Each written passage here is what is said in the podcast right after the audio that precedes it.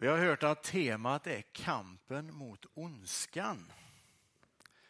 Eh, och då måste man ändå fråga, vad är ondska? Jag visste inte ens jag vågade fråga, jag tänkte inte göra det, men nu gjorde jag ju det ändå. Vad tycker ni är ondska?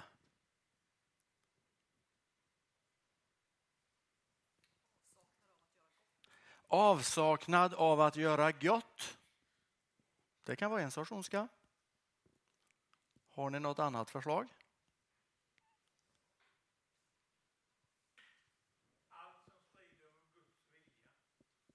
Allt som sprider Guds vilja, det är det som är mot ondskan. Ja. Vad sa du? Allt som strider mot Guds vilja, ja då är det ondska. Precis. Jag hör det jag vill höra ibland. Eh, jag kan ju tänka mig i Ukraina, vi har talat lite om Ukraina tidigare här. Jag kan tänka mig att de eh, har en ganska klar bild av vad ondska är. De till och med, en del av dem pekar på en person och säger där är roten till det onda. Så kan det vara. Eh, om de har rätt så går ju vi på något sätt fria för då är ju ondskan det är där borta någonstans. Långt bort. Eh, men så enkelt är det givetvis inte. Och det vet vi. Jag tror att när vi ser på oss själva så vill vi inte vara onda. Ingen av oss. Jag tror det är så. Vi vill på, stå på de goda sida. Och så märker vi då att det är inte alltid så enkelt att stå liksom där vi vill. Och Paulus säger i Romarbrevet eh, så säger han, jag förstår inte mitt sätt att handla. Det jag vill, det gör jag inte. Men det jag avskyr, det gör jag. Det goda som jag vill, det gör jag inte. Men det onda som jag inte vill, det gör jag. Det är Romarbrevet 7, vers 15 och 19. Det finns en berättelse som jag hörde för många år sedan. Det handlar, jag tror det handlar om en indian som blev kristen. Och så fick han frågan efter ett tag, hur, hur, är, hur går det? Hur är det att vara kristen? Jo, sa han, det är som att det finns två hundar inom mig som slåss. En vit och en svart. Och så fick han frågan, vem av dem vinner? Och då svarade han, den som jag ger mat. Och jag tänker lite med den berättelsen i bakhuvudet så kan vi närma oss texten som vi senast hördes läsas här från Efesierbrevets sjätte kapitel. Hämta nu styrka hos Herren av hans oerhörda kraft. Ta på er Guds rustning så att ni kan hålla stånd mot djävulens lumska angrepp. Vi kan ju fundera över vilka knep ondskan helst använder för att liksom försöka i alla fall övermanna oss, besegra oss. Eh, och som jag sa förut så tror jag att de flesta av oss vill vara goda. Jag tror inte att vi vill göra onda saker.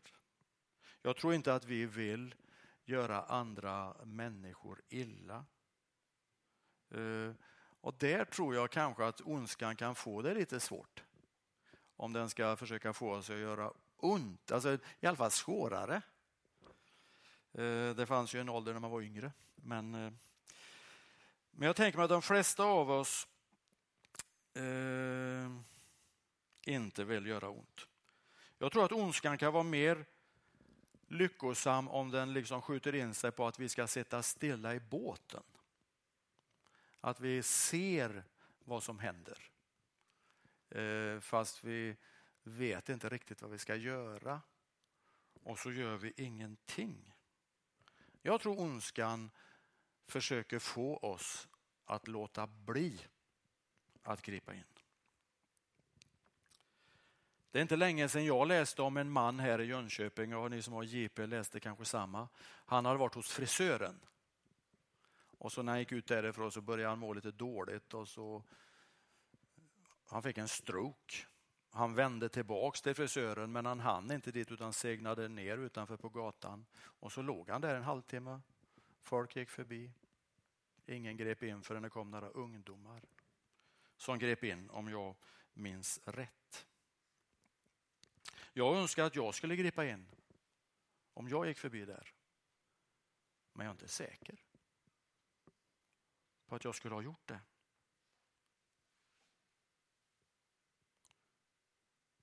En del av ondskan tänker jag mig är när andra människor blir oviktiga. När mina intressen går först. Det är en form av ondska. Att ha möjligheten att gripa in. Att ha möjligheten att göra det bättre för andra. Men ändå välja att inte göra det.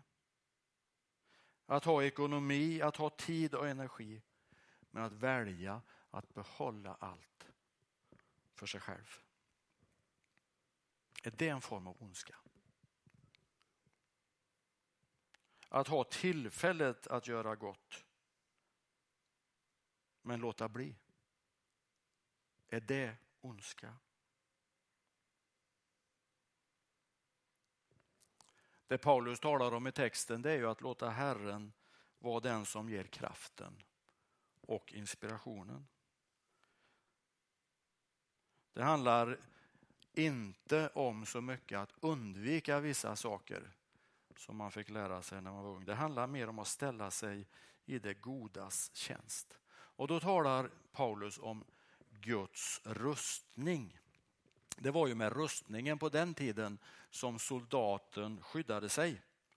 Och så tänker Paulus att det finns en Guds rustning som kan skydda från angrepp från det onda. Så talar han om sanningens bälte, rättfärdighetens pansar och som skor villigheten att gå ut med budskapet om fred. Han talar om trons sköld, frälsningens hjälm, om andens svärd som är Guds ord.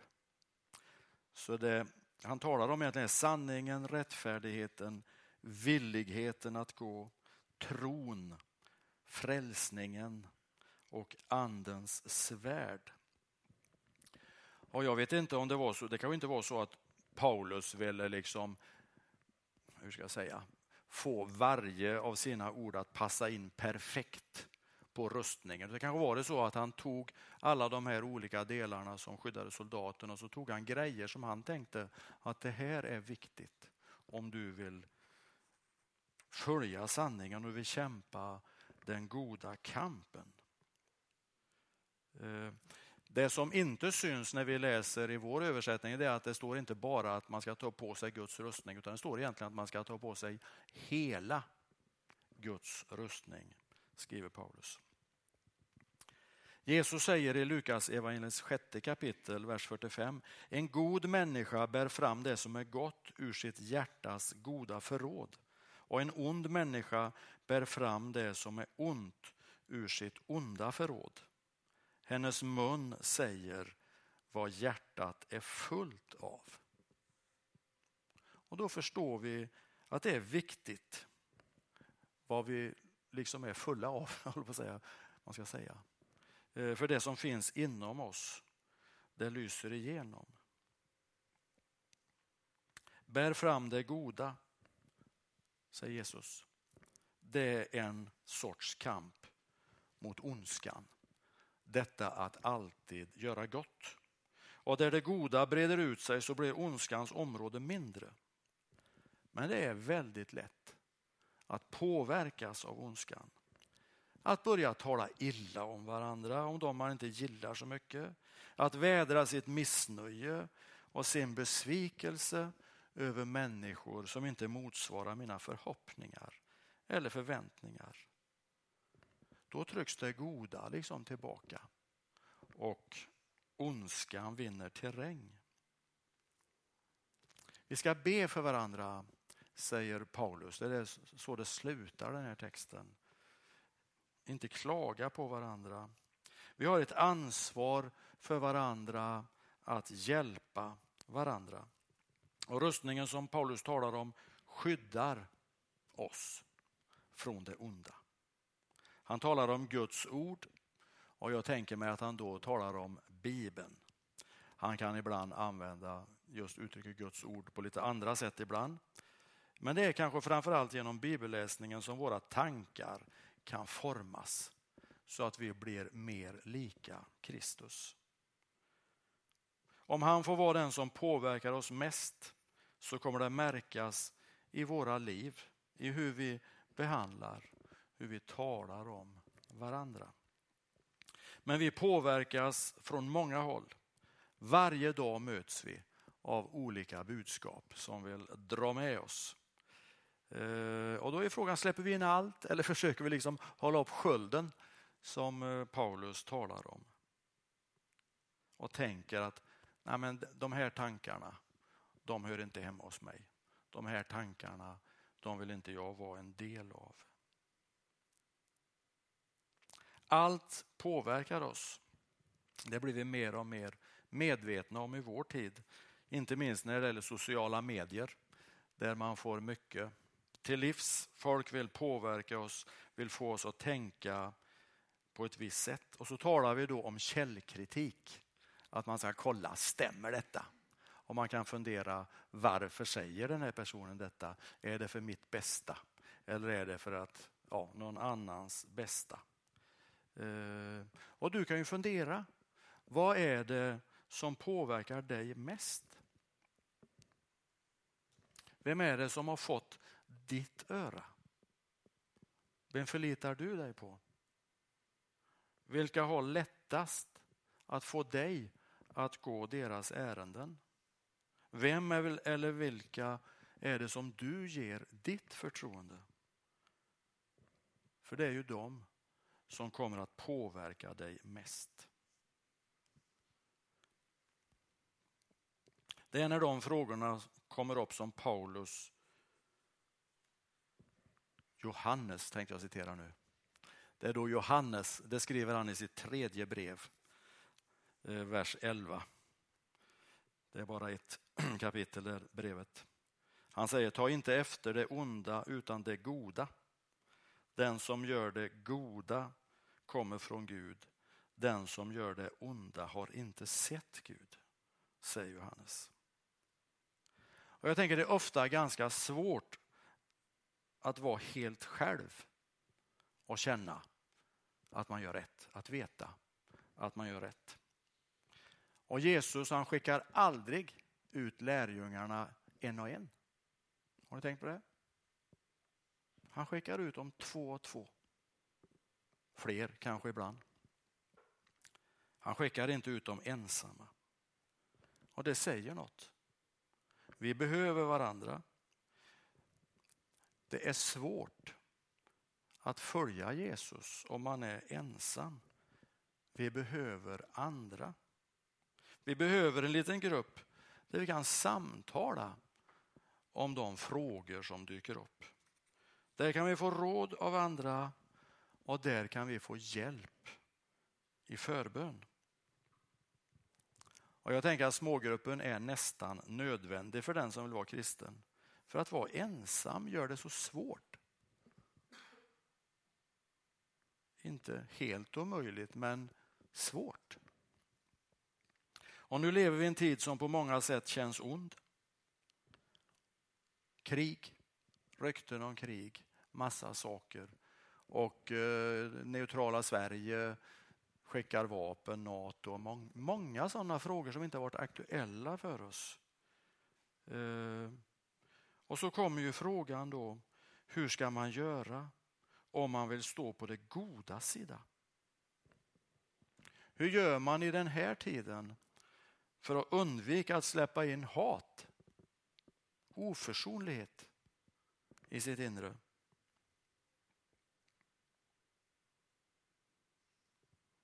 Göra gott, det kan vi göra lite som John talade om här förut. Samla in olika former av paket.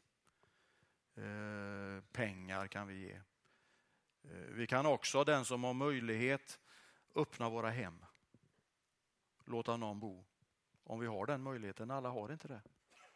Eh, kanske kan vi vara en sån här guide som hjälper nya Jönköpingsbor, tillfälliga Jönköpingsbor att hetta till olika platser. Du som vill hjälpa till på sådana sätt, du kan gå in på kommunens hemsida. Där kan du klicka in och så får du ett mejl sen när de behöver din hjälp. Men det vi framför allt kan göra, tänker jag, det är att be. Be för alla som är indragna i konflikten. Be om sanning och rättfärdighet. Be om fred. Och inte minst får vi be för barnen som drabbas. Barnen som är på flykt, barnen som är skadade, barnen som saknar sina papper framför allt. Det är även mammor som är ute i kriget. Barn som får sår inombords som kanske aldrig går att reparera. Det går fort att förstöra men tar mycket längre tid att bygga upp. Som människor så har vi en reflex som gör att vi gärna ger igen om något ont drabbar oss, om någon gör något dumt emot oss. Låt oss be om att vi i vår iver inte ska upptäcka att vi har ställt oss på det onda sida. Vi får be Jesus om hjälp att stå på hans sida. Att hjälpa oss att ställa oss till förfogande för hans rike. Att bli formade av honom.